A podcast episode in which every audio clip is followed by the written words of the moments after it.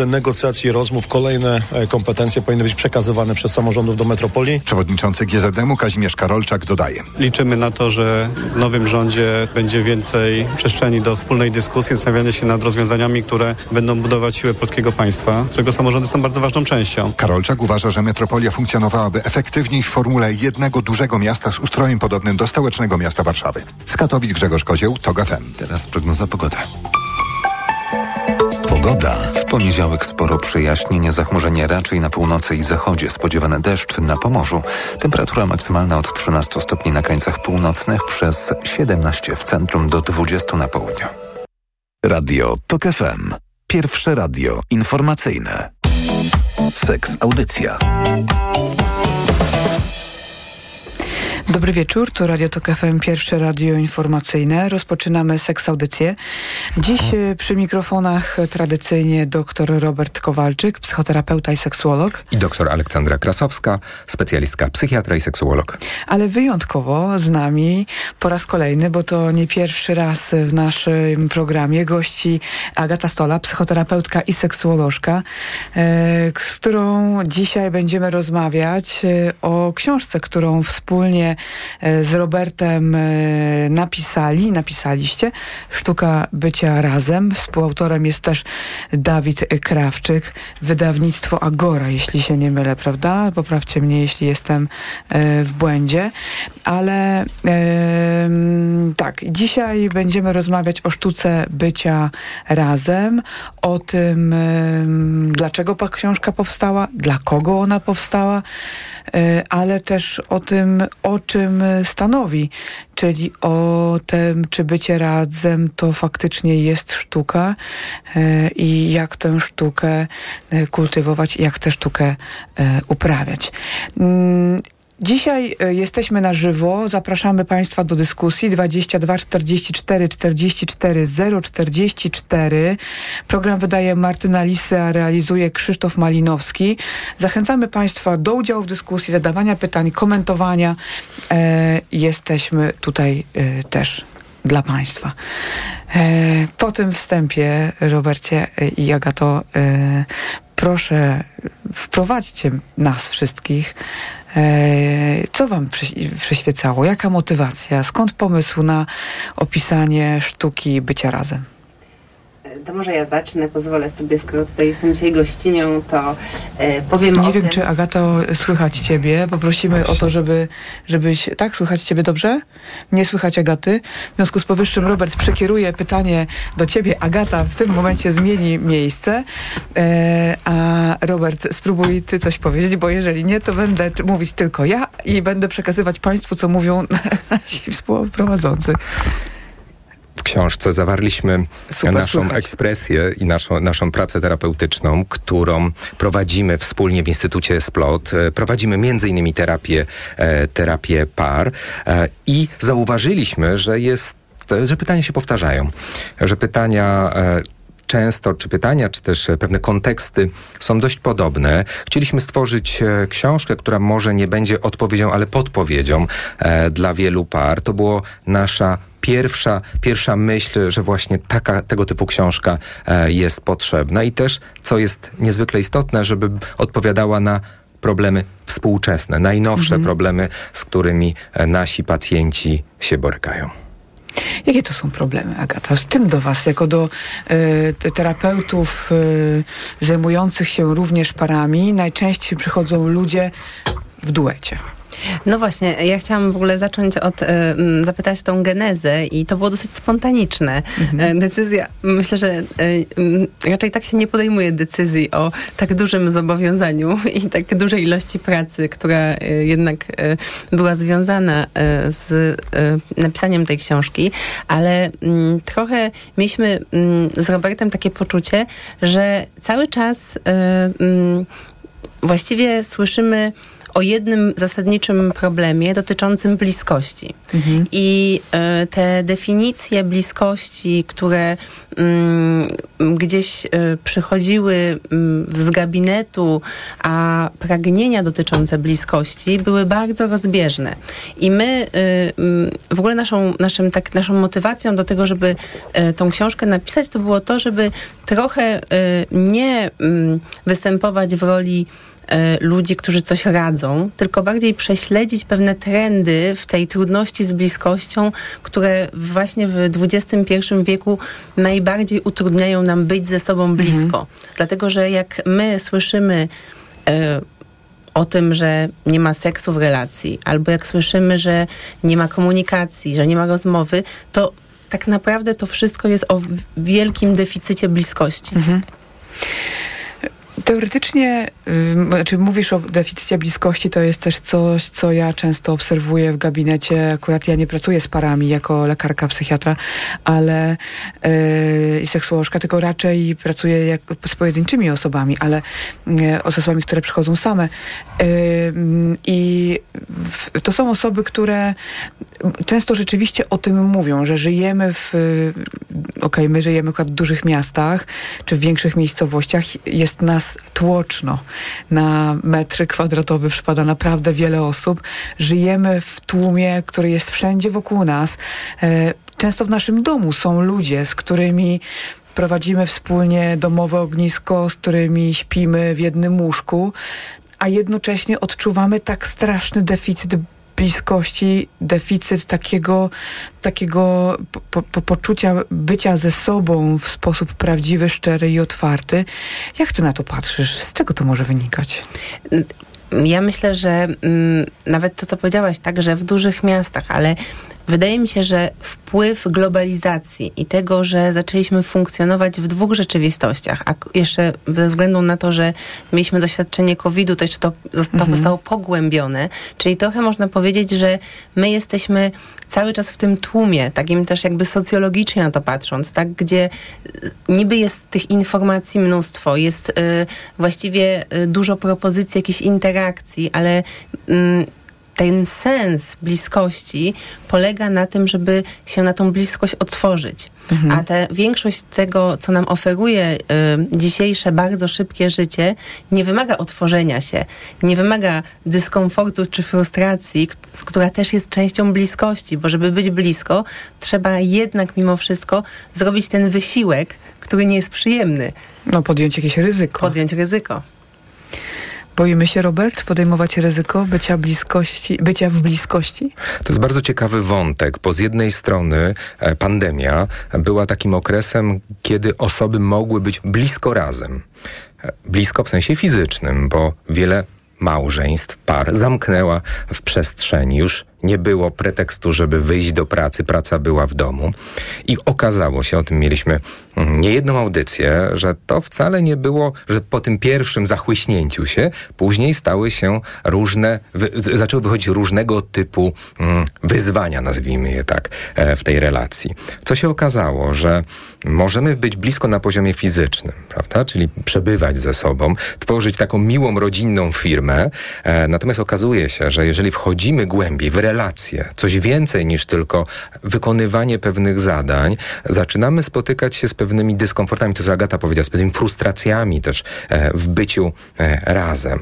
Nagle okazuje się, że wybrzmiewają problemy, które wcześniej były kanalizowane gdzie indziej, bo było napięcie, no to to napięcie mogło być, było, w jakiś sposób było neutralizowane na zewnątrz. Na przykład pobiegłem na siłownię, mhm. e, wyszedłem do pracy, a tu nagle trzeba było to napięcie bezpośrednio do partnera bądź partnerki mm, w jakiś sposób wyartykułować.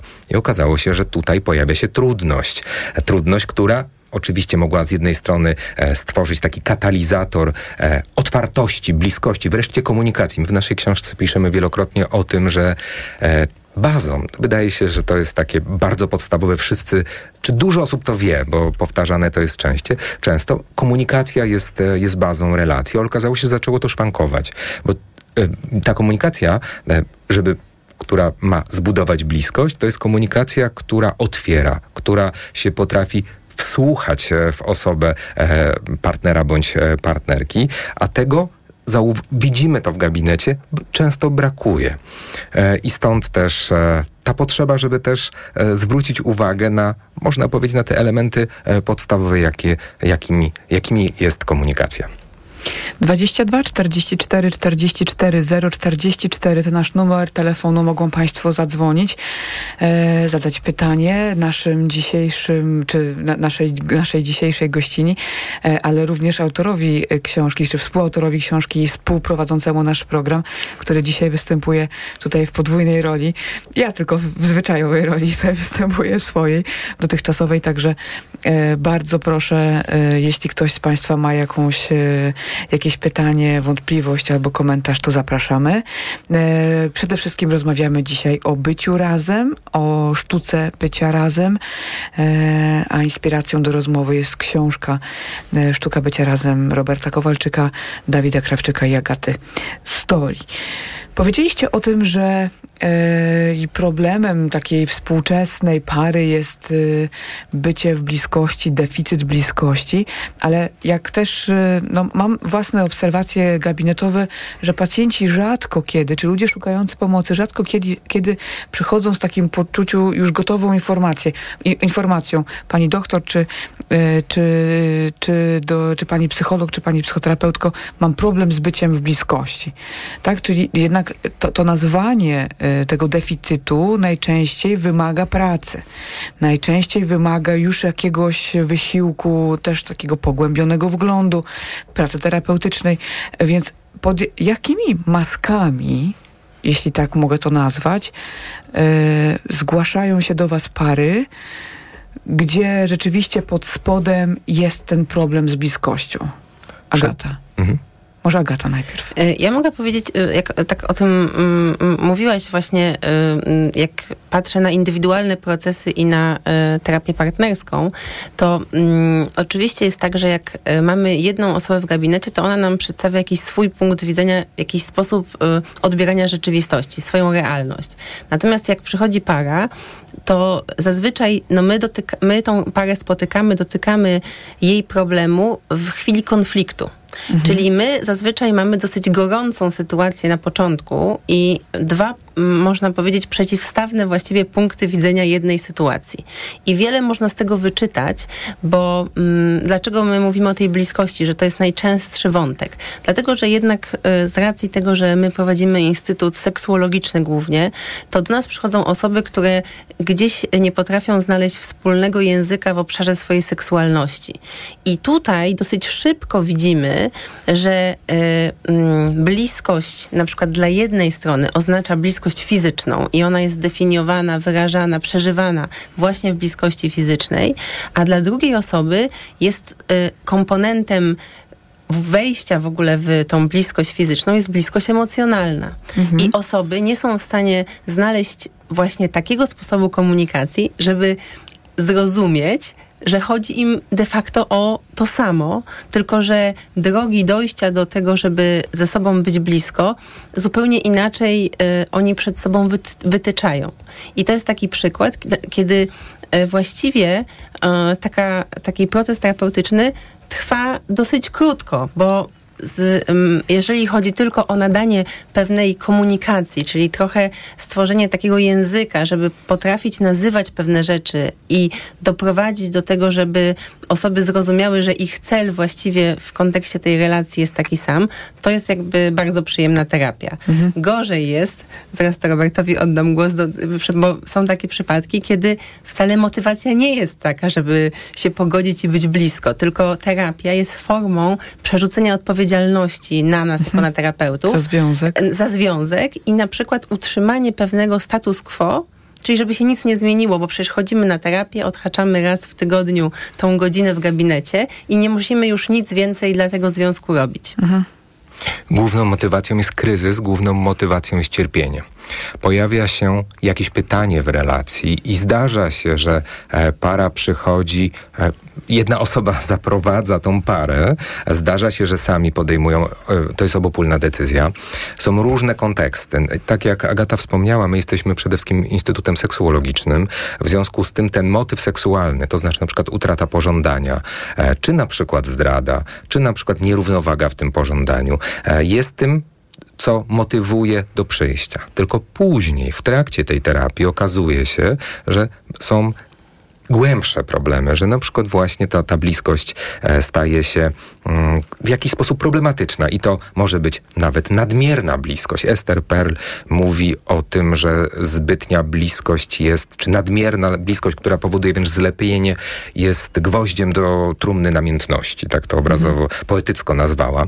Czyli też różnie z tą bliskością bywa. To dopiero my mówimy po jakimś czasie, że to jest jeden z częstszych wątków, które, e, które my w jakiś sposób wyciągamy i dyskutujemy. Ale to wymaga od pary też spotkania się z tą wiedzą, e, zbudowania tej świadomości i zdarza się, że para e, no, w jakimś sensie czuje się zagrożona tą, tą wiedzą, bo już mają te swoje obsadzone role, to co Agata powiedziała, kto jest, kto, kto, kto jest przyczyną, kto jest, kto jest właśnie jakby obopólny zysk mają e, i spotkanie się z tą wiedzą jest też dla pary e, jakimś dodatkowym kryzysem, prawda? I, i pytanie, co dalej z tym zrobić. 22 44 44 0 44 rozmawiamy o związkach, o sztuce bycia e, razem. E, do Państwa, do słuchaczy od razu, tak zainspirowana e, toczącą się rozmową, mam takie pytanie, czy, czy zdarzyło się Państwu być w związku e, tak, takim, którym rzeczywiście w pewnym momencie okazało się, że tej bliskości brakuje, jak Państwo poradzili sobie z tym? Jak Państwo to zauważyli? Jak Państwo to nazwali? E, I, i co się wydarzyło dalej? E, oczywiście mogą Państwo również komentować to, co się dzieje na antenie i zadawać własne pytania. Zachęcam 22 44 44 0 44. E, kręcimy się wokół bliskości, ale rzeczywiście myślę, że to jest taki ważny, e, ważny aspekt, e, ale też do ciebie, Agata, od razu mam takie pytanie. Jak często twoim, z Twojej obserwacji zdarza się, że rzeczywiście są związki, które rzeczywiście pozornie świetnie funkcjonują, technicznie świetnie funkcjonują. Wy też o tym piszecie w swojej książce, ale takie, które, gdzie dzieci są zadbane, dzieci są zaopiekowane, gdzie wszystkie obowiązki są wykonane, gdzie jest pewna procedura, pewien schemat funkcjonowania, ale tak naprawdę działa to bardziej jak pewna taka maszyna, w której no, tego tego ciepła, tej, tego, tej relacji, tej namiętności, intymności brakuje. I myślę, że to jest y, bardzo częsty przykład który mm, opisuje kryzys, bo dla mnie ten związek, który Ale opisałeś... jaki kryzys? Przecież, no właśnie. zobacz, przecież to mamy do czynienia ze, ze świetnie zorganizowaną, no tutaj I zespołem, dokładnie drużyną. Dokładnie tak, dokładnie tak. I y, to nie jest para, która prawdopodobnie trafi do nas na tym etapie. Mhm. Natomiast y, ja, jak pracuję warsztatowo, na przykład z kobietami, y, prowadzę właśnie warsztaty z bliskości, i zresztą też to jest y, pewna inspiracja do, do książki, to jest trochę tak, że ja bardzo często słyszę, że ta bliskość z partnerem, ona po prostu wypada, bo ona się nie mieści w grafiku. Mhm. I jeżeli z czegoś y, jest, y, y, jakaś jest rezygnacja z czegoś w życiu, to najczęściej to jest właśnie rezygnacja z tej sfery. I faktycznie jest tak, że w tym okresie, można powiedzieć, najbardziej intensywnym, kiedy jest najwięcej logistyki związanej właśnie z założeniem rodziny, z dziećmi, z tym, że, że bardzo dużo rzeczy musi funkcjonować, że tak powiem, jak w szwajcarskim zegarku, to w ogóle nie odczuwa taka osoba i taki związek, że jest jakiś, y, że jakiś kryzys się dzieje. Tylko, że do nas trafiają ci ludzie w momencie, kiedy ten, ta samotność i to cierpienie, o którym y, mówił Robert, jest już na takim poziomie, że albo pojawia się jakieś alternatywne życie w sieci, mhm. bo nawet ja myślę, że w ogóle już dzisiaj mówimy o zupełnie innym y, kontekście zdrady, tak? Dlatego, że y, to jest bardziej szukanie, ja mam, jak ja o tym słucham, bo to jest dosyć częsty temat, jak ja właśnie słucham o tych różnych takich e, znajomościach, czy szukania jakiegoś zainteresowania atencji w internecie przez osoby, i to zarówno przez mężczyzn, jak kobiety. Ja bym tutaj w ogóle nie klasyfikowała tego mhm. na, na jakąś tożsamość płciową. To chodzi o to, że po prostu jak już ten poziom samotności jest tak duży w tej relacji, w tej idealnie działającej, perfekcyjnej firmie, mhm. to, to pęka. A jak pęka, to leci wszystko. Na każdym poziomie. Nie leci już tylko jakby, wtedy już nie jest tak, że się pracuje tylko nad tą intymnością i nad tym, żeby jakoś tak właśnie bardziej zmienić coś w e, skryptach, tylko wtedy już po prostu ta firma przestaje działać. Robert, jak w takiej sytuacji może pomóc terapia par? To jest ciekawe pytanie, ponieważ e, wróćmy do początku, co mogło być powodem wejścia w relacje. E, I tutaj dochodzimy do e, motywacji. E, jeżeli mówimy o seksualności, to często ten wątek pożądania, intymności, bliskości wydaje się dość oczywisty, prawda? To jest takiego e, bardzo romantycznego czy generalnie skryptu. Natomiast właśnie, jeżeli zaczynamy pracować, e, to może się okazać, że wcale taki motyw nie był. Motyw był na przykład założenia rodziny, posiadania dzieci. I tutaj nagle okazuje się, że tej seksualności, która jest tym motywem, motorem przyjścia do nas, po prostu w tym grafiku, w tym skrypcie nie było. E, I spotkanie się też z tą informacją, na ile partnerka, partner, osoba partnerska jest dla nas pociągająca, e, jest też spotkaniem się z bardzo trudnym pytaniem. Bo jak powiedzieliśmy wcześniej, jest e, i piszemy o tym w książce, są różne motywy wejścia w relacje. I okazuje się, to co Agata powiedziała, że czasem seksualność, bliskość nie jest uznawana w tej relacji za priorytet. Ja myślę, że w ogóle jest trochę tak, że te motywy zazwyczaj są różne, bo o nich się nie rozmawia. Mhm. To nie jest coś, o czym rozmawiamy na początku relacji. I teraz e, mój ulubiony temat, czyli patriarchat i to trochę jak są e, w ogóle kobiety, dziewczynki socjalizowane i wychowywane. Tak? No, to jest trochę tak, że e, wciąż e, mm, niestety jest aktualny taki skrypt, że ten partner na życie to ma być ten porządny, a nie na przykład ten, który Którego właśnie działa na pożądanie. Tak, ten, co mhm. działa na pożądanie, to, to, to już może teraz nie jest tak, że całkowicie trzeba go odrzucić, ale on na pewno nie jest tym materiałem na to, żeby y, y, zakładać z nim rodzinę. I niestety to trochę w ten sposób działa, że Mm, jak ja pytam e, kobiety o jakieś ich wspomnienia, to tam zawsze się pojawia jakaś taka historia, która działała na pożądanie.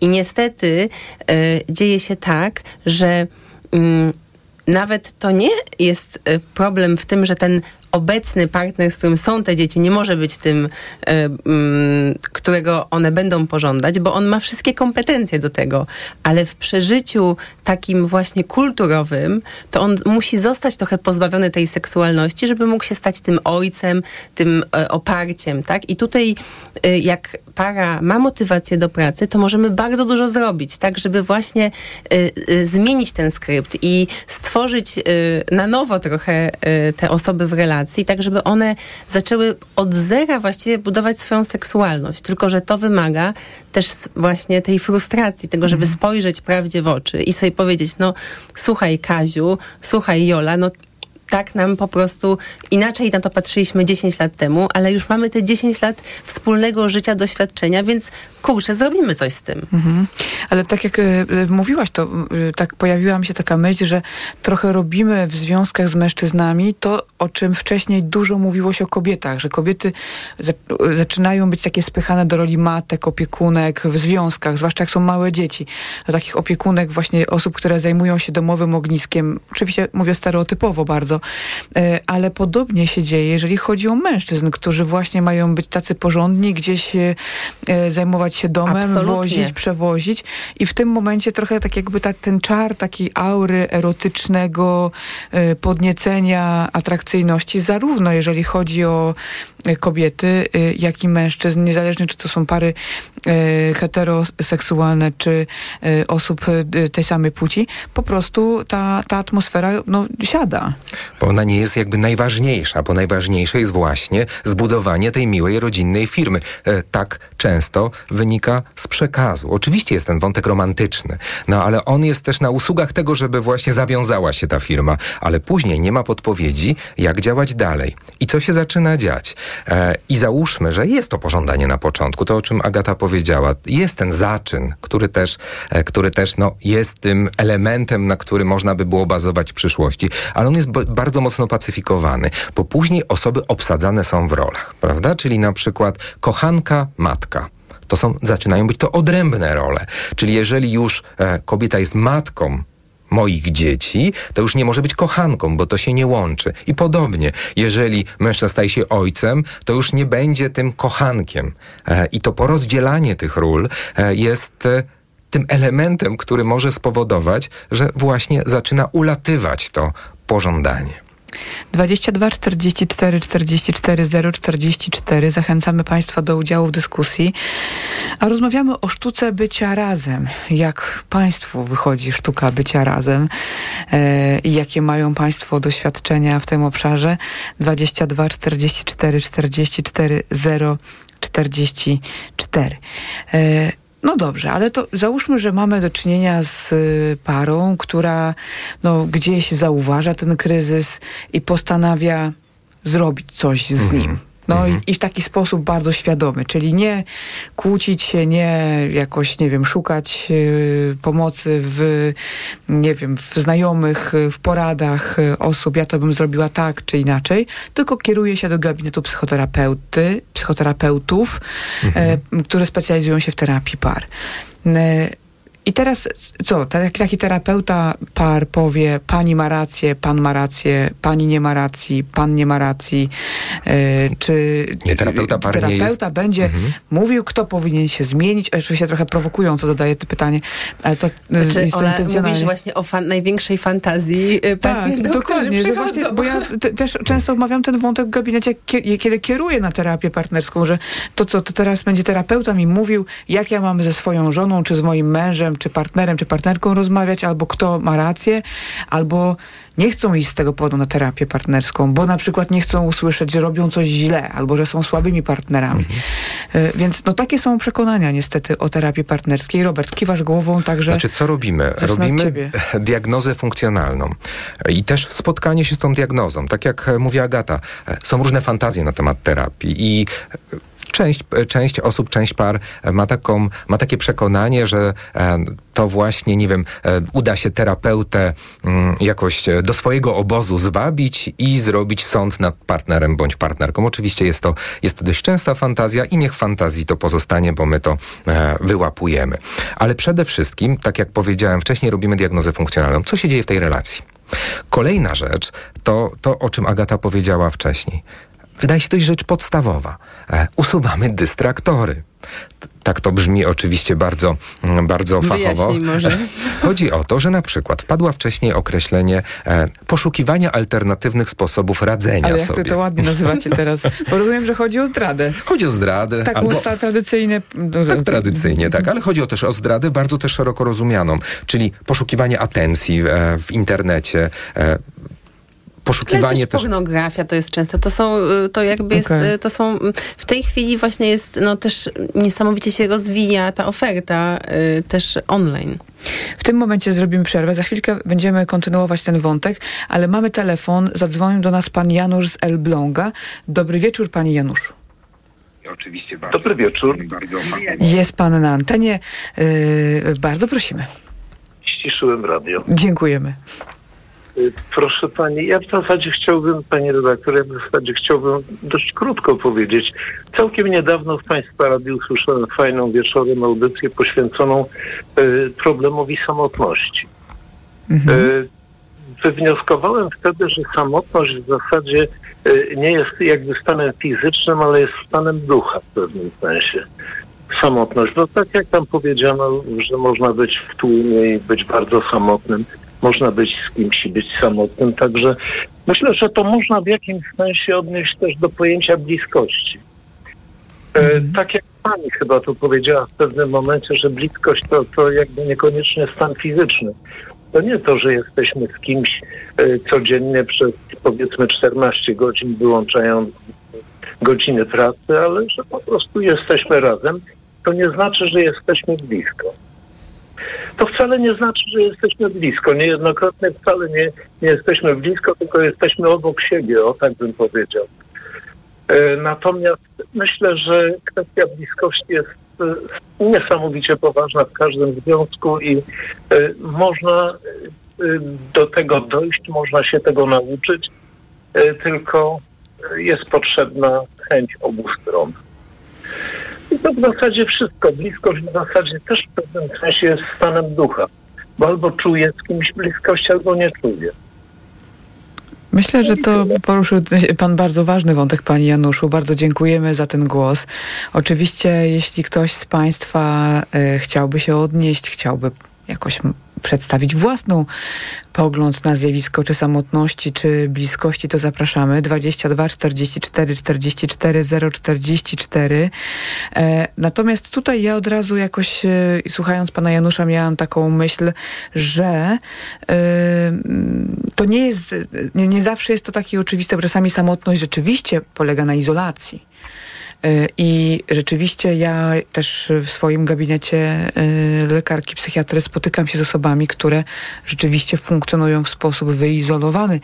To nawet, Robert, przypomina mi się nasza ostatnia audycja, hashtag przegryw, że pamiętajmy, że mamy w społeczeństwie osoby, które żyją w samotności nie takiej y, tylko y, emocjonalnej. Obo, emocjonalnej, dokładnie, ale rzeczywiście w sposób taki bardzo wyizolowany. Ja sobie pamiętam po tamtej audycji bardzo mocno postanowiłam wracać do tego tematu i, i przypominać o tym, że te osoby też są częścią naszego społeczeństwa i że o nich też pamiętamy. Ale wracając do y, naszego wątku, czym jest terapia par, y, skończyliśmy na wątku zazdrości, tego czym jest, y, nie zazdrości, tylko zdrady, przepraszam, tego czym jest, czy tak jak powiedzieliście, alternatywnych form szukania, zaspokojenia potrzeb. Y, padło pojęcie pornografia, no nie mogę o to nie dopytać. Zwłaszcza, że ja też w gabinecie ten wątek poruszam często z pacjentami indywidualnie, że y, pornografia staje się coraz częściej, myślę, takim wątkiem zapalnym w parach. Takim tematem, który budzi dużo emocji, dużo kontrowersji. Ja myślę w ogóle, że pornografia, y, ona mm, pojawia się w bardzo wielu kontekstach y, y, w terapiach partnerskich i mm, z takiego doświadczenia nasz, naszej pracy to najczęściej ona mm, wydaje się najbardziej problematyczna w kontekście relacji, takiego można powiedzieć, porównywania się, albo też powiedziałaś o zazdrości i tutaj niestety to mi pasuje, tak jakby zazdrości o to, co tam właśnie y, osoba partnerska w tej pornografii odnajduje, ogląda i ja naj, jak myślę o moich najbardziej takich trudnych procesach terapeutycznych, to były te, które właśnie y, miał, musiały zająć się też odbudowaniem y, poczucia własnej wartości y, w partnerce, tu akurat to było, właśnie po takim y, doświadczeniu, w ogóle no, mm, odkryciu tego, że,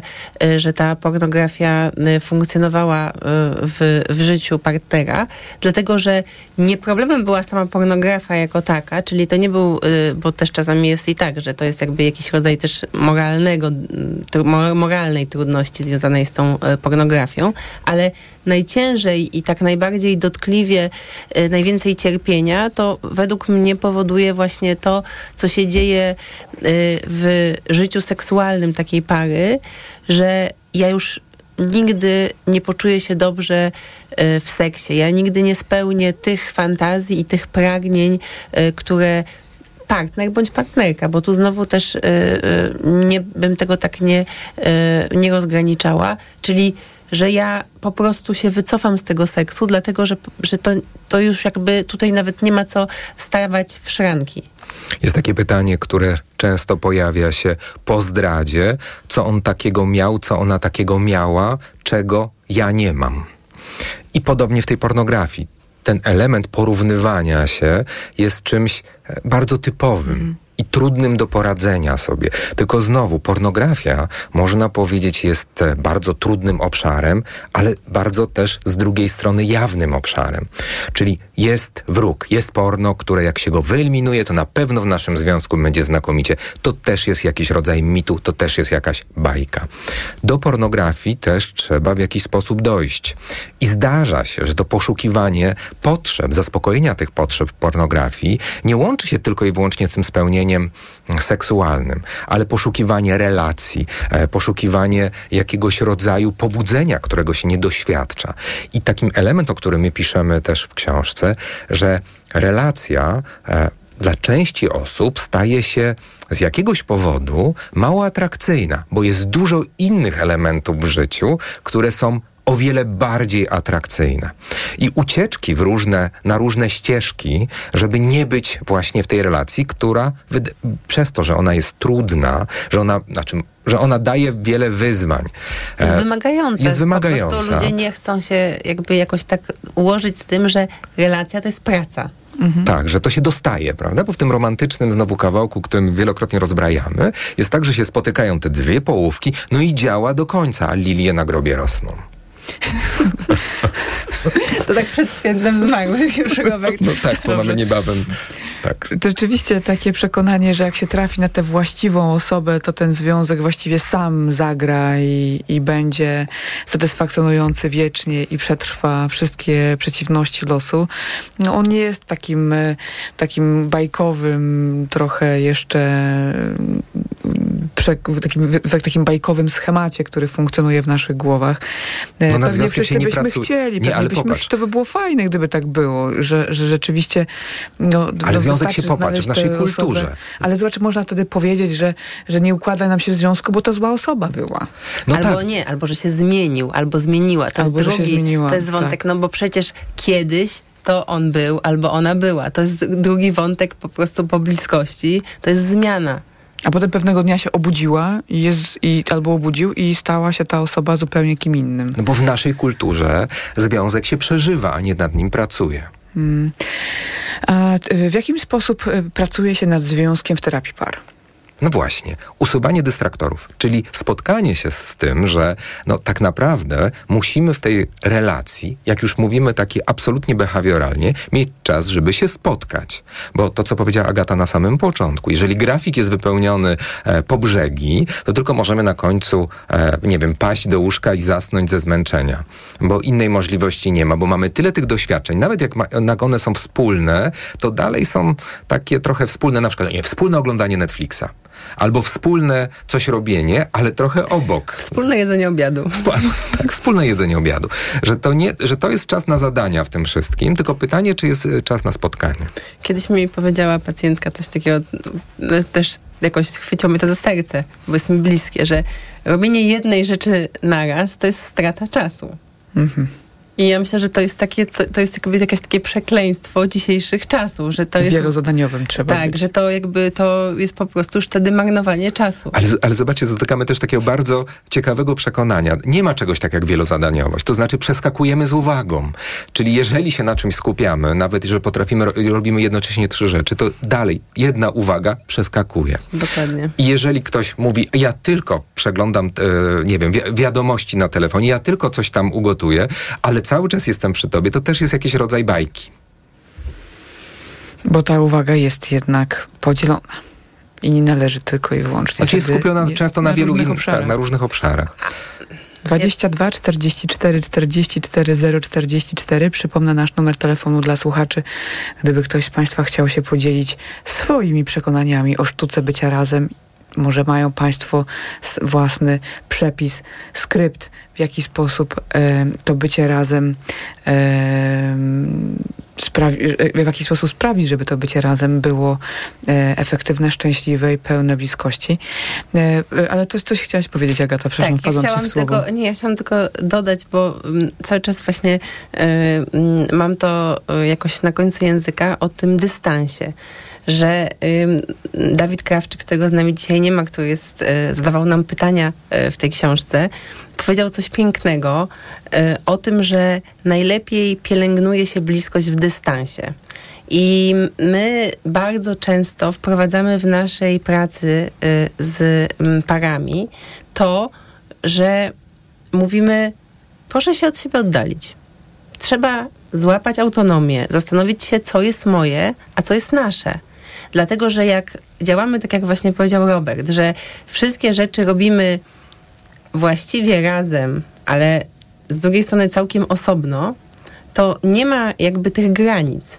Jak nie mamy w życiu granic, które nam jakoś y, porządkują nasze życie i pokazują właśnie, gdzie do, y, się kończy aktywność rodzinna, a zaczyna y, aktywność osób dorosłych, to wtedy mamy, jakby wtedy tracimy sens tej relacji i tracimy tą bliskość. W związku z tym to budowanie autonomii i czasami pary się wręcz na nas trochę denerwują, jak my proponujemy żeby e, pytamy się, co Państwo lubicie robić osobno, jakie są Wasze zainteresowania, pasje, ile macie czasu na to, jaką dajecie sobie przestrzeń na to, żeby robić rzeczy osobno no to usłyszeliśmy parę razy takie, no ale jak my tutaj przyszliśmy pracować nad relacją, nad związkiem, to chyba myśleliśmy, że będziemy razem robić więcej rzeczy, że tu Państwo nam dacie zadania do robienia razem, a my bardzo często właśnie robimy wręcz przeciwnie, tylko właśnie uczymy osoby tego, że będąc w innych miejscach, robiąc rzeczy oddzielnie, można pięknie pielęgnować bliskość. To pewnie też zależy od sytuacji, prawda? Nie dla każdej pary y, receptą będzie właśnie takie tworzenie dystansu, większa separacja od siebie e, i to pewnie też musicie oceniać w zależności od okoliczności, e, że to też nie zawsze działa, ale ja też e, to, co mówisz, jest mi bliskie, bo z kolei na poziomie takiej interwencji edukacyjnej w przypadku, kiedy są problemy seksualne, kiedy jest powiedzmy niechęć do podejmowania aktywności seksualnej jeszcze nie na poziomie na przykład awersji seksualnej, czy tego, co wcześniej nazywaliśmy awersją seksualną, jedną z form interwencji jest na przykład wycofanie się z aktywności seksualnej na jakiś czas, podjęcie, e, zadbanie o siebie, pójście do lekarza, pójście do ginekologa, jeżeli chodzi o kobietę, podjęcie e, oddziaływań terapeutycznych, a nie takie właśnie napieranie, proszę mi powiedzieć, co ja mam tutaj zrobić, żeby teraz, jakie ćwiczenia mam wykonać po to, żeby właśnie jak najwięcej tego, tego seksu e, było w moim życiu, że, że mimo tego, że wydawałoby się to, że pacjent właśnie tego będzie oczekiwał, czy że pacjent często tego właśnie oczekuje. I też kojarzy te reakcje takiego zaskoczenia. No jak to? Mam się wycofać z tej, z tej, z tej relacji, z tej aktywności, e, podczas gdy właśnie ja chcę nad nią pracować, a to rzeczywiście e, nie zawsze, nie w każdej sytuacji, ale w wielu takich szczególnie wybranych okolicznościach jest bardzo e, ciekawe i prowadzi do ciekawych wniosków. Tak, znaczy myślę, że to, to, to, to właśnie mm, ten, ta, ta perspektywa jest taka, że e, znaczy w sensie tej pielęgnacji bliskości, że na przykład dla nas często bardzo ważne jest, żeby osoby zaczęły sobie opowiadać, jak widzą swoją bliskość w relacji, czyli e, nie za bardzo są w stanie jeszcze ją jakoś tworzyć, bo nie za bardzo jest na to pomysł, ale mogą sobie zacząć to opowiadać nawet e, właśnie przez rozmowy przez telefon i taką po prostu budowanie no, no własnej drogi do tego, żeby się do siebie zbliżyć. Mhm. I wtedy jest troszeczkę łatwiej to robić z dystansem, niż na przykład y, y, twarzą w twarz, siedząc na dwóch rogach na przykład łóżka w sypialni, tak? Bo to jest zbyt stresujące i, i to by właśnie było za dużo na ten moment y, dla takiej pary. I jeżeli na przykład weźmiemy dla przykładu takie zadanie, które dajemy parom, żeby każdy napisał tą historię swoją, e, w takim kontekście wybrał punkty, kiedy właśnie czuł się blisko e, osoby e, partnerskiej. I zdarza się, że jak e, jedna osoba z pary czyta, to ta druga jest zaskoczona tą informacją, że mogła akurat w tym, w tym momencie właśnie tego tak nie przeżywać i tak samo e, prosimy oczywiście drugą osobę również o sporządzeniu takiego e, właśnie takich, takich momentów, czy takiej listy momentów, kiedy dla nich to było doświadczenie bliskości. 22 44 44 044 to nasz numer telefonu, a e, tematem rozmowy jest sztuka bycia razem i terapia partnerska. E, w tej chwili omawiamy wątki właśnie związane z tą, tego rodzaju interwencjami. Powiedzcie mi jeszcze w takim układzie, czy terapia partnerska to jest osta ostatnia szansa dla pary? Właśnie to jest ciekawe w ogóle przekonanie dotyczące terapii partnerskiej, że to jest taki moment, taka ostatnia deska ratunku mhm. dla pary. Bo z e, takimi przekonaniami ja również spotykam się, wysyłając na przykład osoby na terapię partnerską. Albo Ta... straszak, bo to też jest tak, że jak się nie zmienisz, to w końcu pójdziemy na terapię. Mhm. Czyli nie pokazywanie, że to jest też szansa e, spotkania się przy jakimś kryzysie. Ja też świadomie uży, używam słowa kryzys, bo mi jest bardzo bliskie to, to myślenie o kryzysie jako pewnym e, zmianie dotychczasowego systemu. Nie znaczy, że e, za każdym razem myślę o kryzysie w sposób negatywny. E, kryzysem jest wejście w relację małżeńską, bo to też jest nowa sytuacja. Że kryzys to w zależności, to jest po prostu przewartościowanie e, modelu, który do, do, te, do tego momentu funkcjonował. E, I znowu, dobrze by było, i oczywiście mówimy tutaj o terapii par, bardzo określonych technikach, które są stosowane, ale żeby taką ewaluację, nazwijmy to może tak, żeby to nie było z tego obszaru terapii, każda para prowadziła, bo znowu, to co powiedzieliśmy na samym początku, to co Agata też powiedziała i co jest, e, no, wydaje się e, czymś e, z jednej strony oczywistym, ale z drugiej strony jakoś, nie wiem, trudno to, trudno to się pojawia, że związek ewoluuje, że spotkaliśmy się, szczególnie w przestrzeni, na, na przestrzeni, nie wiem, kilkunastu lat, ten związek jest po prostu inny. Ponieważ... Potrzeby są inne w tym związku i to jest zupełnie naturalne, a czasami po prostu osoby mają takie poczucie, że y, związek się rozpada, bo zmieniły się potrzeby. I to jest, y, oczywiście jest to kryzys, tak jak mówi Robert, ale to jest coś, co doprowadzi de facto, jeżeli zostanie dobrze poprowadzone, do dużo bardziej y, satysfakcjonującego i y, pogłębionego związku, ale może być tak, że właśnie przez to, że tej ewaluacji nie ma i y, nagle osoba się zmienia, no bo przecież żyjemy w takich czasach, kiedy jest ogromny impact stresu, różnych takich sytuacji y, poza związkiem, które bardzo nas zmieniają. Doświadczamy doświadczamy różnych trudności, e, mm, lęków i albo jesteśmy na tyle blisko w związku, że mamy e, narzędzia i e, przerabiamy to sami, ale jeżeli jest tak, że dzieje się coś, czego nie rozumiemy, to naprawdę warto skorzystać z konsultacji. Ja bym tego mhm. nawet nie nazwała terapią, tylko po prostu z konsultacji, żeby wprowadzić na chwilę jakąś osobę, która pomoże zobaczyć tą perspektywę pozytywną zmiany która się dzieje w relacji. Albo chociaż obejrzeć sytuację. Dokładnie. Ponazywać, co się dzieje, w jakim jesteśmy etapie, w jakim momencie, e, jakie są te oczekiwania, bo czasami e, nawet taki terapeuta e, partnerski, prawda, może pomóc się komunikować, bo czasami coś chcemy powiedzieć, albo wydaje się nam, że mówimy w sposób jasny, albo że coś jest oczywiste, ale nagle okazuje się, że po drugiej stronie e, albo ten komunikat jest jakoś zniekształcany, albo jest źle interpretowany, albo w ogóle jakoś e, w ogóle niesłyszany i, i, czy pomijany.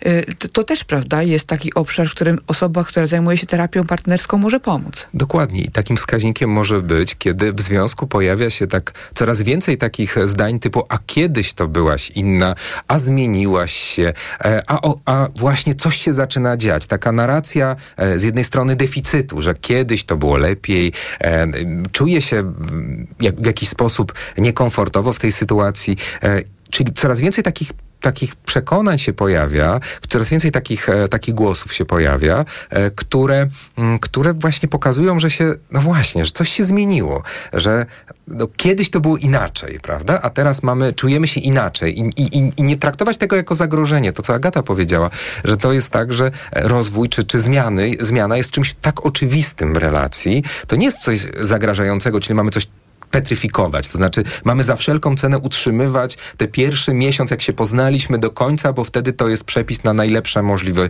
związek. To jest nieprawda, to jest niemożliwe, to jest jakaś utopia. E, a, budow- a, a umiejętność jakby dostrzeżenia, że, że właśnie zmieniamy się, jest też kluczem do tego, żeby zbudować tą relację satysfakcjonującą dla obu stron, żeby nie traktować tego jako zagrażające. Ale to też jest spotkanie z własnymi ograniczeniami, bo chcielibyśmy, żeby zachować pewne, pewne przekonania. E, no, jak najdłużej.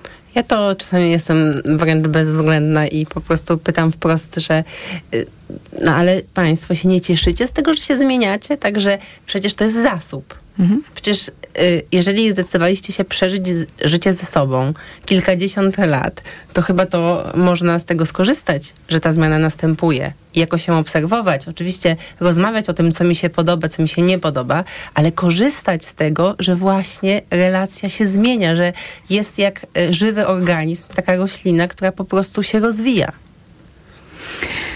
Jeszcze jeden wątek, y, który ja y, w ostatnim czasie, y, czy przez ostatnie lata pracy jako lekarz zaobserwowałam, czyli zdarza mi się takie obserwować takie instrumentalne podejście do terapii partnerskiej na zasadzie takiej, że jedna osoba drugiej osobie w związku mówi odchodzę.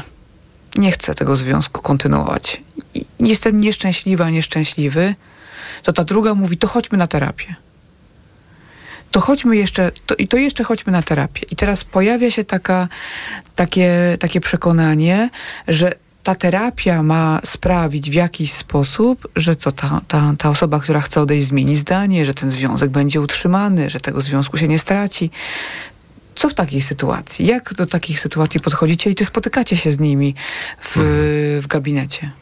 Zdecydowanie tak, bo to jest też e, to, takie zdanie, tylko że znowu pytanie, na ile to zdanie jest e, takim zdaniem powiedzianym z jakiegoś rodzaju rozczarowania, poczucia beznadziejności w tej relacji, że to jest też takie, nie wiem, doprowadziłem, te, ten związek, nie wiem, został doprowadzony do ściany i powiem, nie, no ja już po prostu muszę odejść z tej relacji. Na ile to jest na emocjach, mhm. na ile to jest na, na, na jakimś, jakimś rozgoryczeniu, rozżaleniu, a na ile na takiej decyzji, mm, decyzji wynikającej już z takiej kalkulacji. E, ja bardzo często powtarzam zdanie, że śmiercią miłości nie jest, nie wiem, nienawiść. Śmiercią miłości jest obojętność.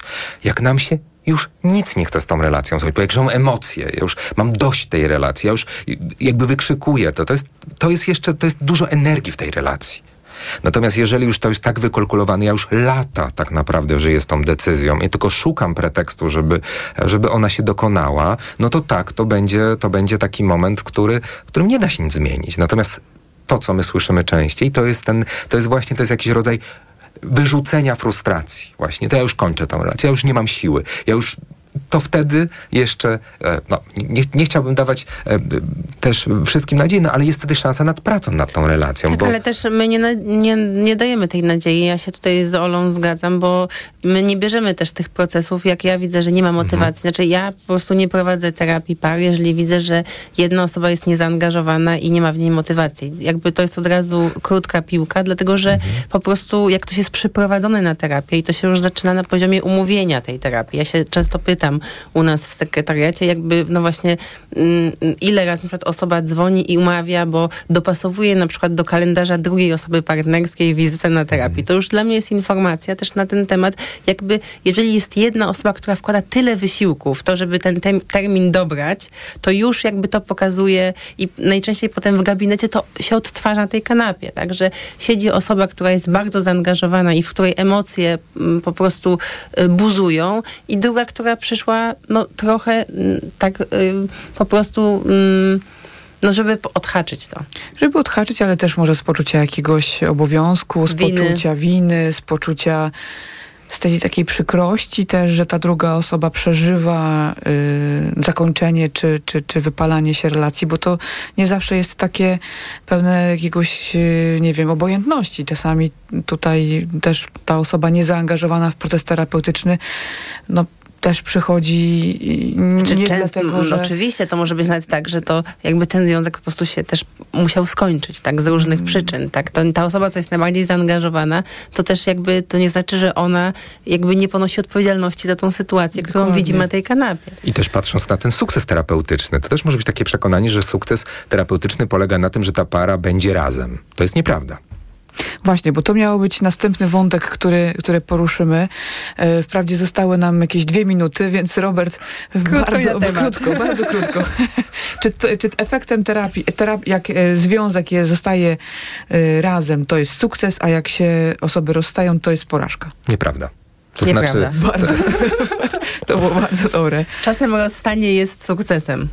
Mhm, czasem rozstanie jest sukcesem i czasami wiele osób na tym korzysta, prawda? Tak, i czasem jest też bardzo trudne i, po, i wsparcie terapeutyczne też jest czasami potrzebne przy rozstaniu. Mamy wiele jeszcze wątków, które chcielibyśmy e, tutaj omówić wspólnie, no ale no, tu czas nas goni, ale mamy dla Państwa książki.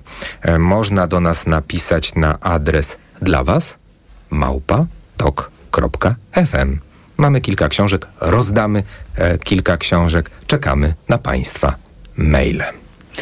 A my już dzisiaj żegnamy się z Państwem, kończymy dzisiejszą seks audycję. Dzisiaj rozmawialiśmy o sztuce bycia razem, do czego inspiracją była książka o tym tytule autorstwa Roberta Kowalczyka, Dawida Krawczyka i Agaty Stoli. Agata Stola, Robert Kowalczyk dzisiaj w seks audycji, Robert w seks audycji rutynowo e, jako współprowadzący.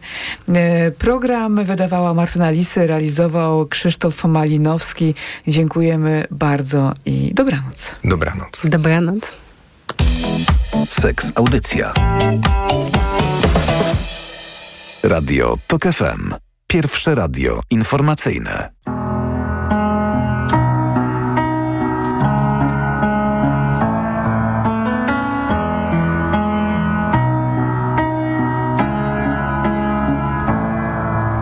Jaka wielka jest Warszawa, ile domów, ile ludzi, ile dumy i radości w sercach nam stolica budzi. Ile ulic, szkół, ogrodów, placów, sklepów,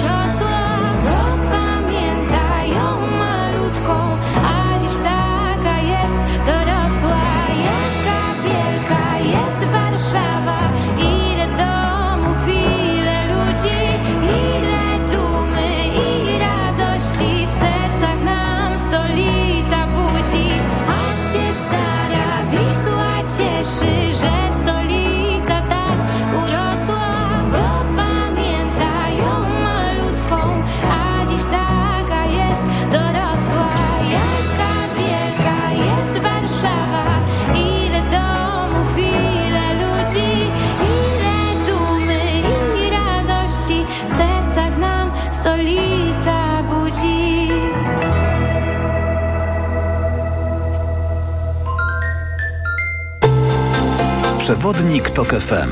Na zdrowie. Słuchaj od poniedziałku do piątku po 14.30. Do usłyszenia. Ewa Podolska. Radio TOK FM. Pierwsze radio